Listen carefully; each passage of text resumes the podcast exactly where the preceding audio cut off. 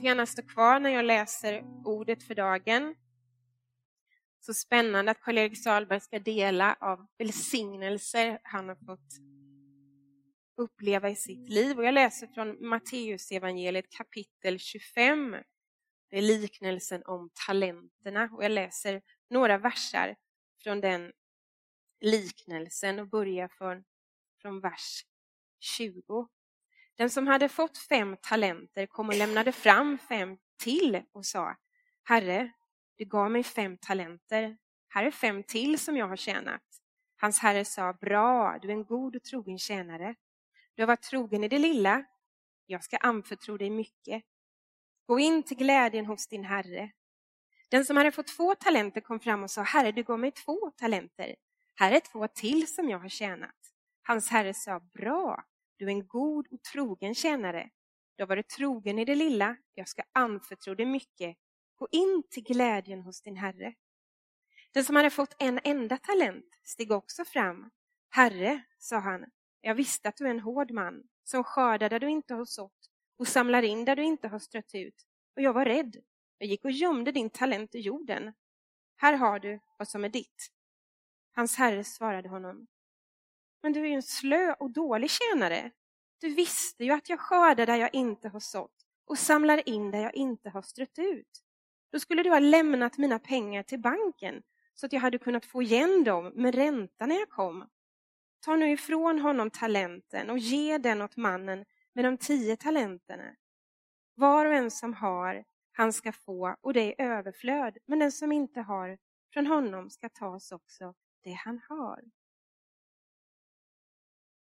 Ett litet allvarligt ord. Men detta är Guds ord till oss idag. Gud, vi tackar dig för att jag fått komma hit och eh, vara med, Missio Dei. Jag har, eh, Mats frågade mig vad ska jag tala om? Och eh, jag börjar att nå den åldern så att jag känner att jag gärna vill dela med mig till de som är yngre om vad som har varit välsignelser i mitt liv och det har varit väldigt mycket. Eh, så jag skulle idag kunna tala alltså om det stora bonuset i mitt liv, nämligen att jag blev en kristen. Kom ut som en kristen, bekände Jesus när jag var 16 år gammal. Det är det stora bonuset. Det ligger liksom, eh, täcker allt. Jag skulle kunna tala om andedopet, andeuppfyllelsen, mötet, kännedomen om den helige ande som gav mig någon, ja, ett vatten, en eld eller vad, i vilken bild man än använder och kraft framförallt, tycker jag och som jag är väldigt tacksam för. Jag skulle kunna tala om att hålla söndagen har varit en välsignelse för mig. Att ha söndagen som en vilodag, som en Herrens dag. Jag kunde tala om tiondegivandet.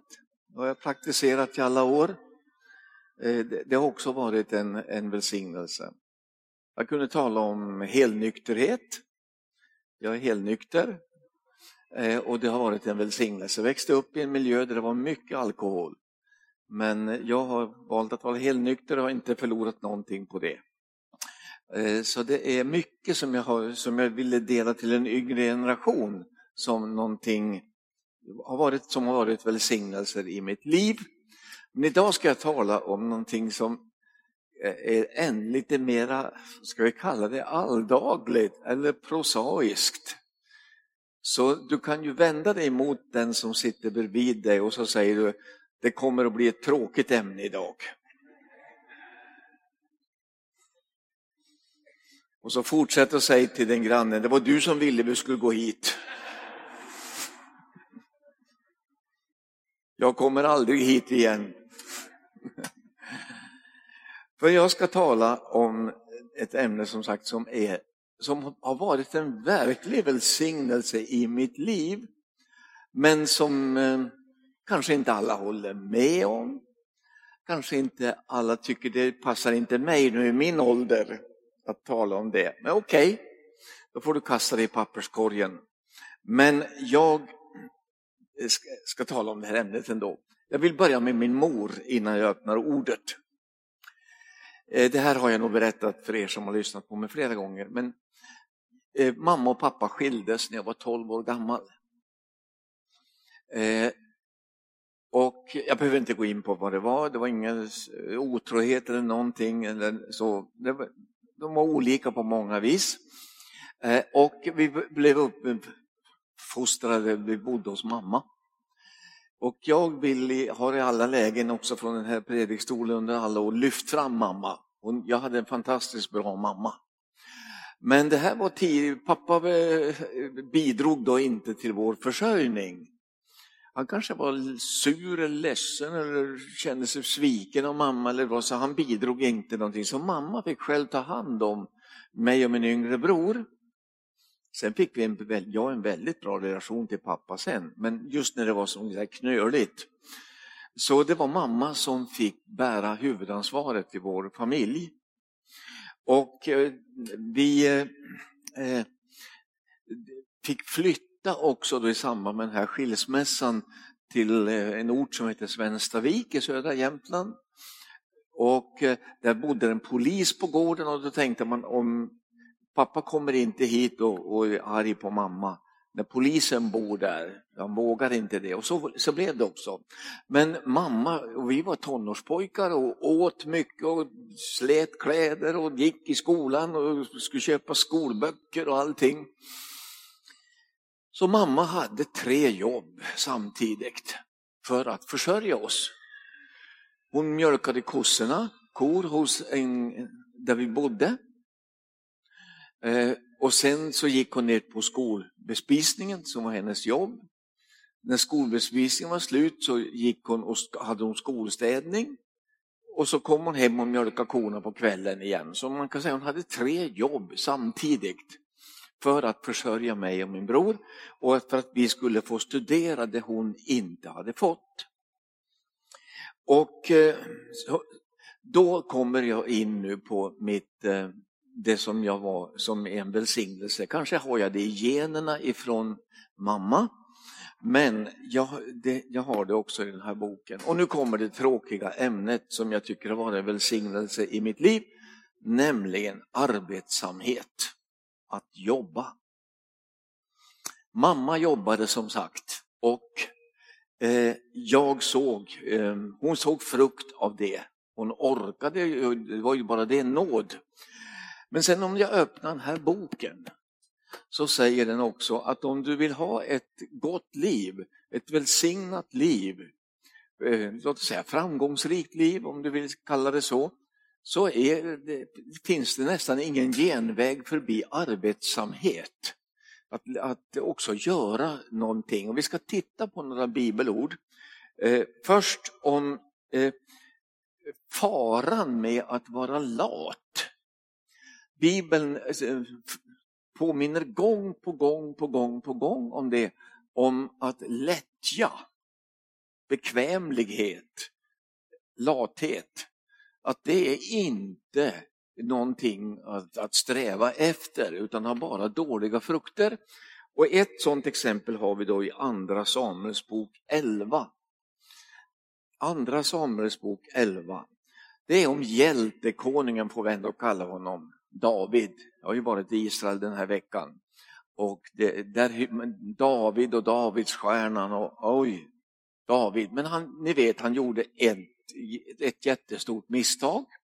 Och det står i Andra Samuels bok 11. Och det står så här. Då hände det en kväll, det är vers 2, när David hade stigit upp från sin bädd och gick omkring på taket till det kungliga palatset att han från taket fick se en kvinna som badade. Kvinnan var mycket vacker. David sände bud och hörde sig för om kvinnan. Det är Batseba, dotter till Eliam och hustru till hetiten Uria, sa man. David sände då några män för att hämta henne. Hon kom till honom och han låg med henne när hon hade renat sig från sin orenhet. Sedan återvände hon hem och sen blir hon då havande. Eh, och ni, ni minns berättelsen, David får besök av profeten Natan som påpekar för honom vilken synd han har gjort.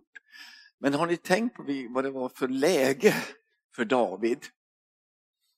Det står att han, det, det, då hände det en kväll när David hade stigit upp från sin bädd. Han hade alltså legat och vilat där på kvällen eller eftermiddagen. Mm. Och gick omkring på taket. Det var också bara lite flanerande och inget jobb precis. Eh, och då fick han se den här kvinnan som badade. Och så blir det det här och det här, att han ligger med henne och det tar också en tid. Eh, han tycks ha haft en väldigt ledig eftermiddag där. Och då kan man vända på det hela, det gör jag. Att om han istället hade varit full aktivitet, haft arbeten, så hade det här aldrig hänt. Den här synden aldrig hänt. Han var lat, han var lättjefull. Han, en, ehm, och så blev det, blev det som det blev. Luther har sagt så här om arbetet, det är en gudstjänst som befrämjar välstånd och förhindrar många tillfällen till synd. Så det är, ett väldigt illustrativt exempel på det här att eh, om man inte har någonting att göra, man är liksom allmänt less på liksom, eller inte gör någonting, så kan man vara väldigt lättillgänglig för olika. Och det har jag ju saker. Och det har jag sett i det här arbetet i 24 år. Att eh, det är lätt till då kanske att man tar och dricker. Man har inget annat att göra, kan göra det. Eh, eller något annat. Så lättja är, eh, är inte bra och arbete förhindrar många tillfällen till synd för Luther. Och så har vi Ordspråksboken, denna ljuvliga bok. Hur många av er är det som tycker om Ordspråksboken? Den är härlig tycker jag, den här boken. Ska vi titta på några exempel där, där man prisar då istället arbetsamheten. Då ska vi ta Ordspråksboken 10.4. Ordspråksboken 10.4. Där det står så här. Lat hand gör fattig man. Flitig hand ger rikedom. Ordspråksboken 10.4. 12.11. I samma bok. Den som brukar sin åker får bröd så det räcker. Så den som arbetar på sin åker får bröd så det räcker. 14.23.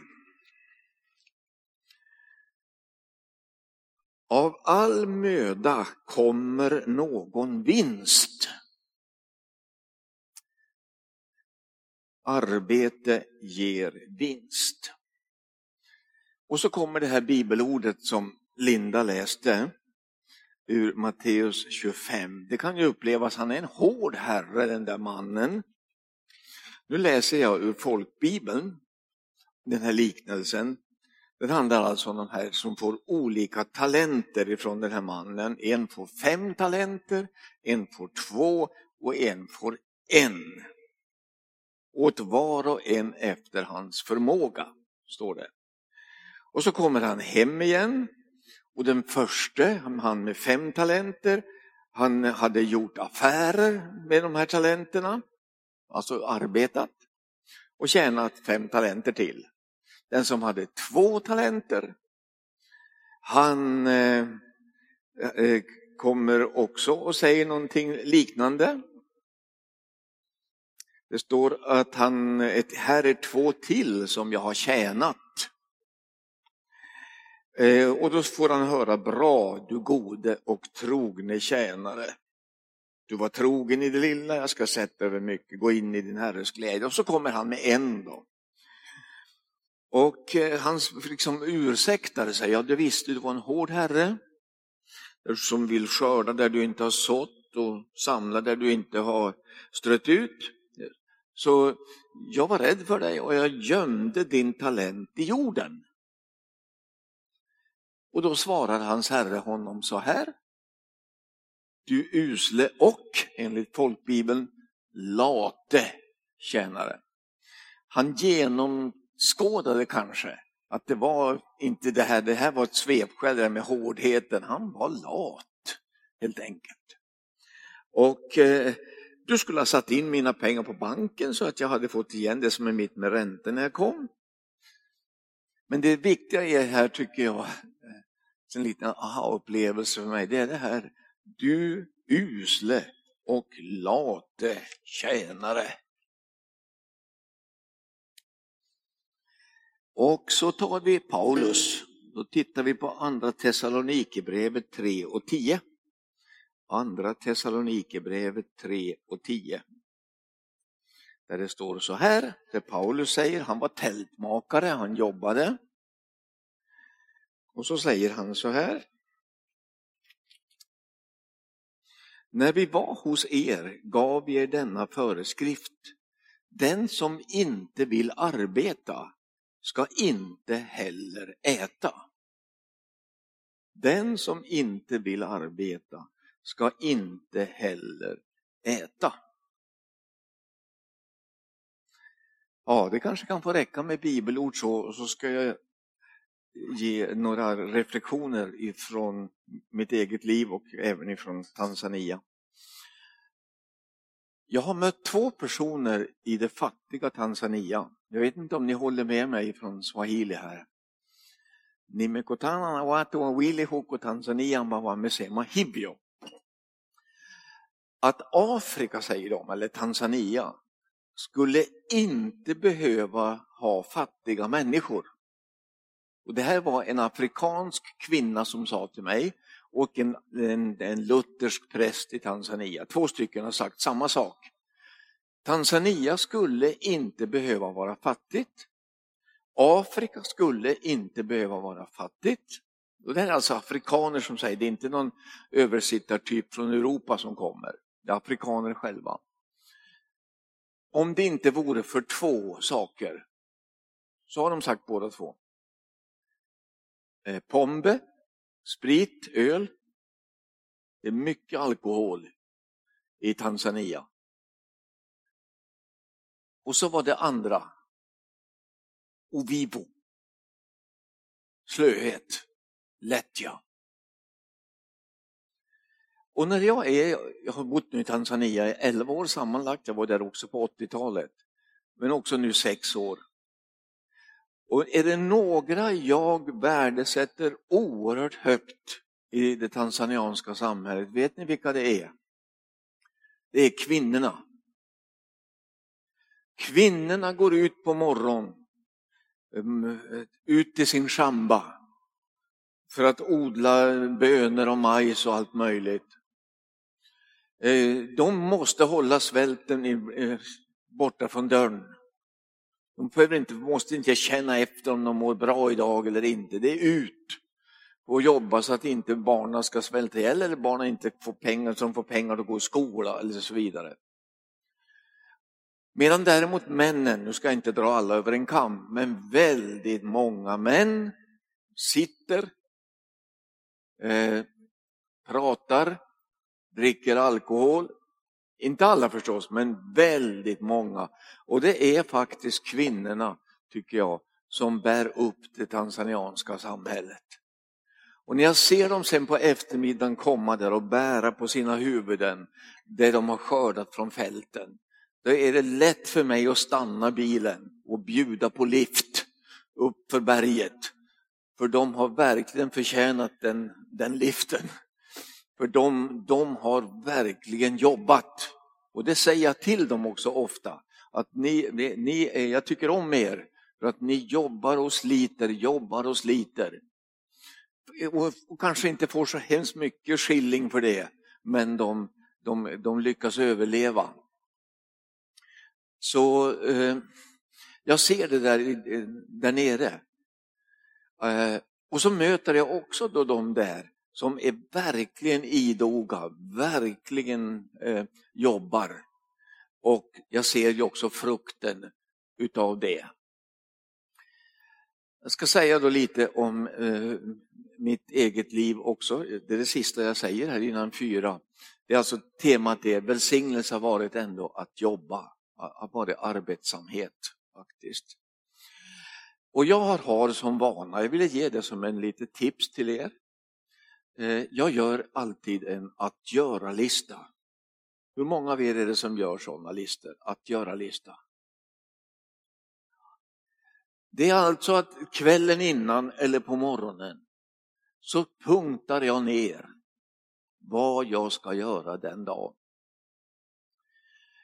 Och det har, varit, har många fördelar med sig.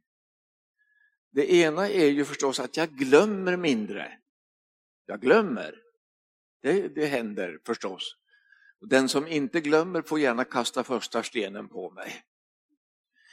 Eh, men eh, eh, det finns där ändå på, på listan, det här ska göras idag. Jag glömmer mindre. Det andra är att det går mycket fortare.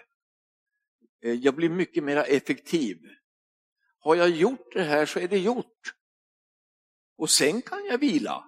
Sen kan jag göra det jag själv inte är intresserad av. Men att jag eh, först av allt um, för, försöker klara av de här uppgifterna som jag satt för den här dagen. Och nu får ni inte tro att jag är någon sån här arbetsnarkoman eller lagisk, jag måste göra det här och det här annars tycker inte Gud om mig. Nej, nej, nej, nej, nej, nej. Jag tror på en god far som är med i ryggen hela tiden och som har visat det genom Jesus. Men jag har sett utifrån min mors exempel, utifrån ordet, men också utifrån mitt eget liv så har jag sett att vilken välsignelse det har varit med att, eh, att ändå jobba, arbeta. Och jag kan ge hur många exempel härifrån den här kyrkan då, när det kommer människor som inte har arv. Jag tänker på en speciellt. Han hade inget arbete. Och det, det är tråkigt. Så vi, vi kom överens då att vi, vi bad tillsammans att han skulle få ett arbete. Och så träffade jag honom lite senare. Ja, så frågade jag förstås, hur gick det? Har du fått något arbete? Jo, sa han, det fick jag, men jag vill inte ha det. Nej, okej. Okay. Och så fortsatte han att vara äh, arbetslös, så att säga. Nej, man ska ta det jobb man, man får. Vår yngsta dotter har börjat med ett, ja, ett ganska, tycker jag, lite arbetsamt jobb. Men hon säger hon ändå så fint då att man, man måste börja med det lilla, säger hon. Och vet ni när min fru kom hit till Tanzania, eh, till, från Tanzania och hit, hon är alltså utbildad akademiskt. Hon är präst. Eller utbildad till präst, hon var inte prästvigd då. Och så bodde vi då i Sätra. Och eh, hon hade ju språksvårigheter förstås i början. Eh, denna fina utbildade kvinna. Så vet ni vilket jobb hon tog? Dela ut reklam. Och jag följde henne med den där chippan och med fullt med reklamlappar Vi delade ut i Bredäng ett område. Så började hon. Idag är hon eh, alltså prästvigd, hon är lärare på en bibelskola. Eh, men hon började med att dela ut reklam. Och hur jag, ofta har inte jag sagt det till någon som är arbetslös också här. Men kan du inte börja dela ut reklam? Nej, nej det går ju. Nej, nej, nej. Nej, nej okej okay då. Så det finns, jag tror det ligger en, en välsignelse över att, att arbeta, att ta goda arbeten, eller ta arbeten som får, man får. Det är ingen av oss som har börjat som direktör för, för något stort företag, det är det inte, utan man får börja arbeta sig upp. Men det, går, det finns inga genvägar egentligen, utan det är ändå att, att ligga i, vare sig det är en församling, en, en utbildning, en, eh, ett företag eller så. Och Det gäller också det arbete vi bedriver bland föräldralösa barn då i Tanzania just nu. Det är, det är arbete. Jag vet när jag kommer ner nu, då vet jag precis vad vi ska göra. Och Jag brukar säga så här lite på skämt, det är, men det är sant. om ni inte tycker om mig, vet ni vad ni ska ge mig? Det är en present som ni ska ge mig då om ni inte tycker om mig.